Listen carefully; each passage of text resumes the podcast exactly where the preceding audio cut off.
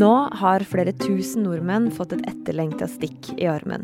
For denne uka så har vi begynt vaksineringa på ordentlig. Men likevel så ligger vi langt etter andre land i Europa når det gjelder hvor stor andel av oss som har fått vaksine. Hvordan havna vi så langt bak? Og åssen blir egentlig 2021?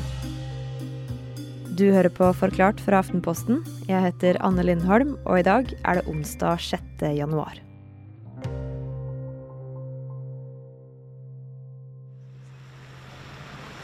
Da er vaksinene her. Dere ser den kommer eh, på veien med politibil foran og bil bak. Andre juledag så kommer det en liten lastebil med bilde av en pingvin på sida kjørende inn på Ullevål sykehus med de aller første vaksinedosene. Og hver uke framover så kommer det til å komme flere iskalde kjølebokser over grensa til Norge med rader av små flasker i. Og nå fraktes vaksinene rundt til sykehjem og fastlegekontor i hele landet. Men Norge ligger langt bak nå etter første uke. Her i eh, Europa så er vi f.eks. Eh, nesten helt i bakleksa og har vel bare Frankrike og Irland eh, og Latvia bak oss. Aftenposten-journalist Per Anders Johansen, da du satt og så på de tallene her, var det noen overraskelser? Det som er overraskende, er jo at eh, forskjellene mellom en del land var så store her fra starten. For nå har jo alle ventet og ventet på at vaksinene skulle komme. Og eh, her i Norge hadde jo f.eks. både statsministeren, helseministeren og byrådslederen i Oslo en stor pressebinet med direkteoverføring når den første testen ble eh, den første vaksinen ble satt. Og så ser vi da at det har gått ganske sakte i Norge og enkelte andre land, mens Land som Israel, Bahrain, Storbritannia, USA, Danmark har kommet mye lenger på kort tid. Hmm. Og som du sier, Israel det er jo landet som har fått vaksinert størst andel av befolkninga si, og de er jo på over 14 eh, nå. Hvordan har de fått til det? En av grunnene til at Israel har kommet så langt, var for det første at landet sikret seg svært eh, mye av eh, vaksinen til Pfizer-Biontech, som ble raskest eh, ferdig. Og I tillegg så har israelerne eh, godkjent vaksinene tidligere, eh, kanskje med tatt en litt større sjanse i form av at det ikke har vært testet så grundig. Og dessuten har de gjennomført et helt et dramatisk vaksineringsprogram nå på kort tid, som gjør at stor del av befolkningen allerede er vaksinert. F.eks. så har Israel laga et system for å få brukt alle vaksinene. For den vaksina her, den må nemlig oppbevares kaldere enn minus 60. Og når den tas ut av fryseboksen, så må den settes i en arm innen seks timer. Og det har bydd på utfordringer. For da noen israelere ikke kom til vaksinetimen, så blei de dyrebare vaksinene ubrukelige. Så det myndighetene gjorde, var rett og slett å be folk som ville ha vaksine, om å bare stelle seg i kø og få de vaksinene som ble til overs. Og dessuten i Israel så er det veldig lite vaksineringsmotstand. Mm. Og så kommer jo land som Storbritannia og USA eh, ganske langt opp på lista. De er jo på sånn 1,4% mens vi i Norge vi syns omtrent ikke. Hvorfor ligger Norge så langt etter? Norge får sine vaksiner via EU og uh, derigjennom uh, Sverige. En av grunnene til at uh, Norge ikke er kommet så langt som Storbritannia og USA, er jo at Storbritannia og USA de valgte å, å nødgodkjenne vaksinene. Og i tillegg har de kunnet handle på egen hånd ved å kjøpe inn vaksiner. Norge har vært en del av EUs program og uh, vært avhengig av at EUs strategi skulle fungere. Og EU satset jo på seks ulike vaksineprodusenter. Og uh, så viser det seg at fem av dem ligger mye lenger bak enn det man trodde. Og den vaksineringen som har gått raskest, Pfizers, har man jo da faktisk eh, bare kjøpt en 150-160 eh, millioner doser av. Så det EU har gjort, er at de har kjøpt litt hos hver eneste produsent som kunne komme til å bli ferdig med en vaksine, mens det Israel gjorde i august, var at de satsa veldig mye på Pfizer-Biontech, som de så lå langt framme, da. Ja, For å forstå situasjonen nå, så bør vi jo skru klokken tilbake til i sommer, hvor ingen visste hvilken vaksine som ville være mest vellykket. Og um, på verdensmarkedet så var konkurransen beinhard. Eh, Trump og USA satset på å kjøpe inn mye på egen hånd eh, og varslet det. Storbritannia handlet, eh, du hadde kinesere, land i Midtøsten og mange som var på banen. Og i Europa så valgte man da å gå sammen, selv om det var diskusjon om det. Og EU eh, la en strategi og forhandlet med alle de forskjellige selskapene. Og Da tenkte man at det var en god plan å fordele risikoen eh, og kjøpe inn vaksiner fra flere forskjellige aktører. Dessuten var det et annet viktig poeng her, nemlig pris. Og EU klarte jo å få kjøpt vaksiner til en mye rimeligere pris enn det Israel og Storbritannia og USA kjøpte eh, den for. Mm. Og vaksina vi får i Norge, den kommer jo via EU sine innkjøp via Sverige. Eh, men EU sine innkjøpsprosesser har jo fått litt kritikk i det siste. Hva er det den går ut på? Innkjøpsprosessen til EU eh, e gikk jo på at man ønsket å sikre eh, Europa eh, rimelige vaksiner, at man ikke skulle betale noe overpris. Man ønsket også å fordele risikoen ved å kjøpe inn fra flere forskjellige selskaper. Men i tillegg så kom det en annen typisk skal vi si, europeisk problemstilling inn, nemlig Frankrike insisterte på at man skulle kjøpe fra et fransk selskap også. Tyskland hadde to aktører inne, og dermed så endte man altså opp med seks ulike vaksineprodusenter, hvor Biontech Pfizer bare var én av dem. Og som følge av det så mangler jo nå EU fortsatt vaksiner, mens eh, Storbritannia, Israel og USA, som kjøpte inn mye fra Pfizer fra begynnelsen, de har eh, langt flere vaksiner. Ok, så vi har færre vaksiner i Norge enn vi kunne ha hatt. Men de vi har, de blir satt. Og enda flere kan være på vei.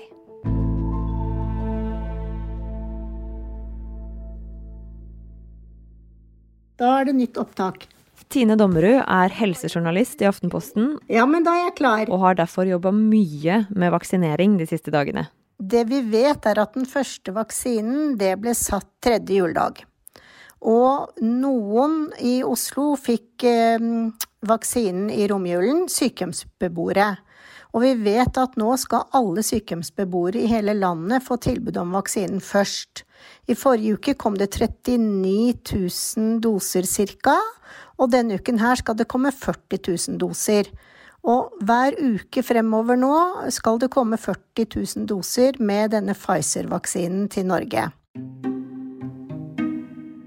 Men som Tine sier, så betyr ikke det at 40 000 mennesker blir vaksinert.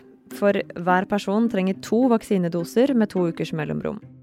Så 40 000 doser betyr 20 000 vaksinerte mennesker. Og da går det jo ikke akkurat unna.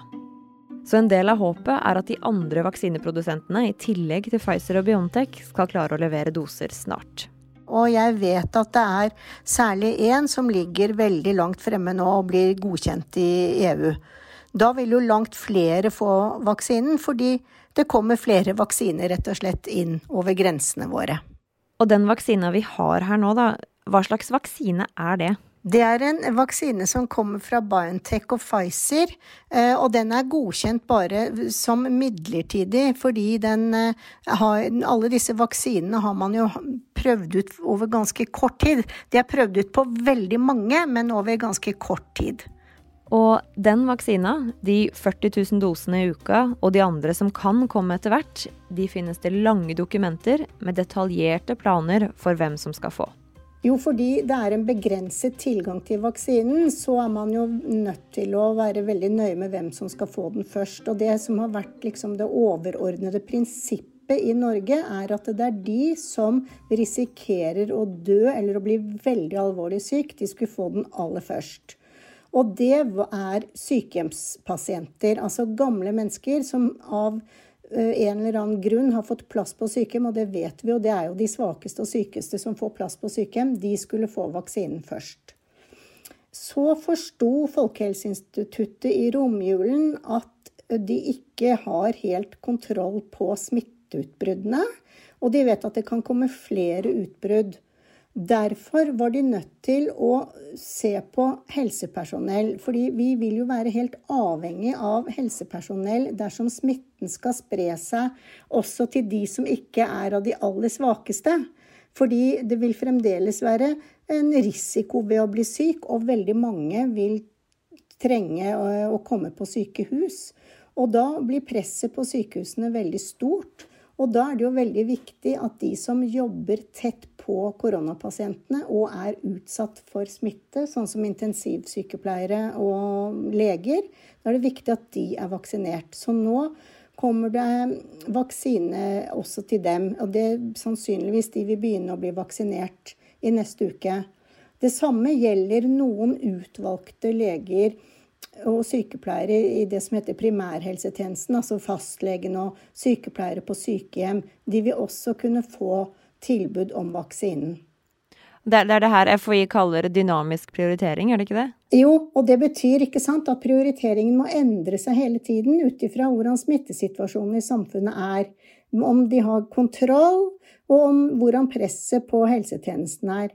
Men det vil også være avhengig av vaksinens egenskap, eh, og hvordan vi vet hvilken effekt den har. Fordi det vi bl.a. ikke vet, det er om de som blir vaksinert, smitter eller ikke smitter selv om de er vaksinert. Det vi heller ikke veit helt sikkert, er om vaksina beskytter mot de nye muterte virusene som er oppdaga i Storbritannia og i Sør-Afrika.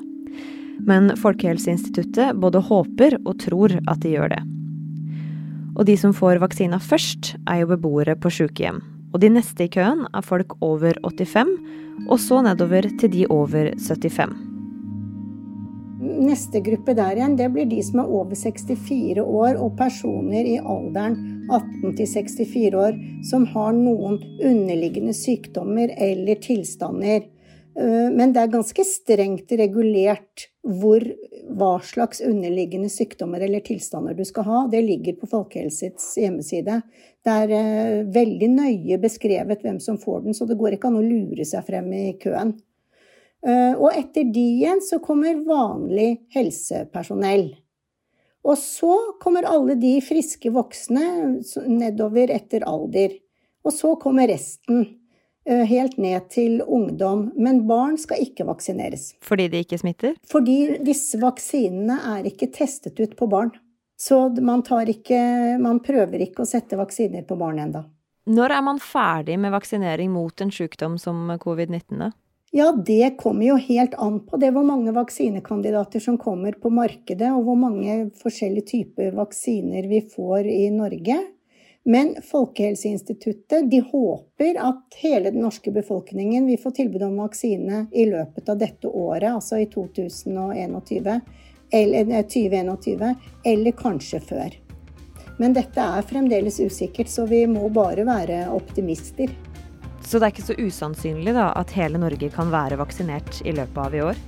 Nei, Folkehelseinstituttet mener at det ikke er usannsynlig, og de håper at det til og med kanskje kan skje litt før. Så får du og jeg tatt en utepils til sommeren, da, eller? Ja, det må vi satse på. Så kan det nok hende at vi må sitte en meter fra hverandre likevel, da. Enkelte restriksjoner vil vi nok kunne ha veldig lenge, men det kan vi vel leve med.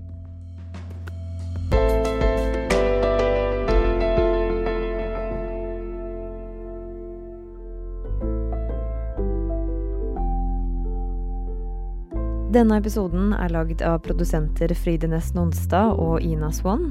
Resten av Forklart er Marit Eriksdatter Gjelland, David Vekoni og Karoline Fossland. Du har hørt lyd fra VGTV.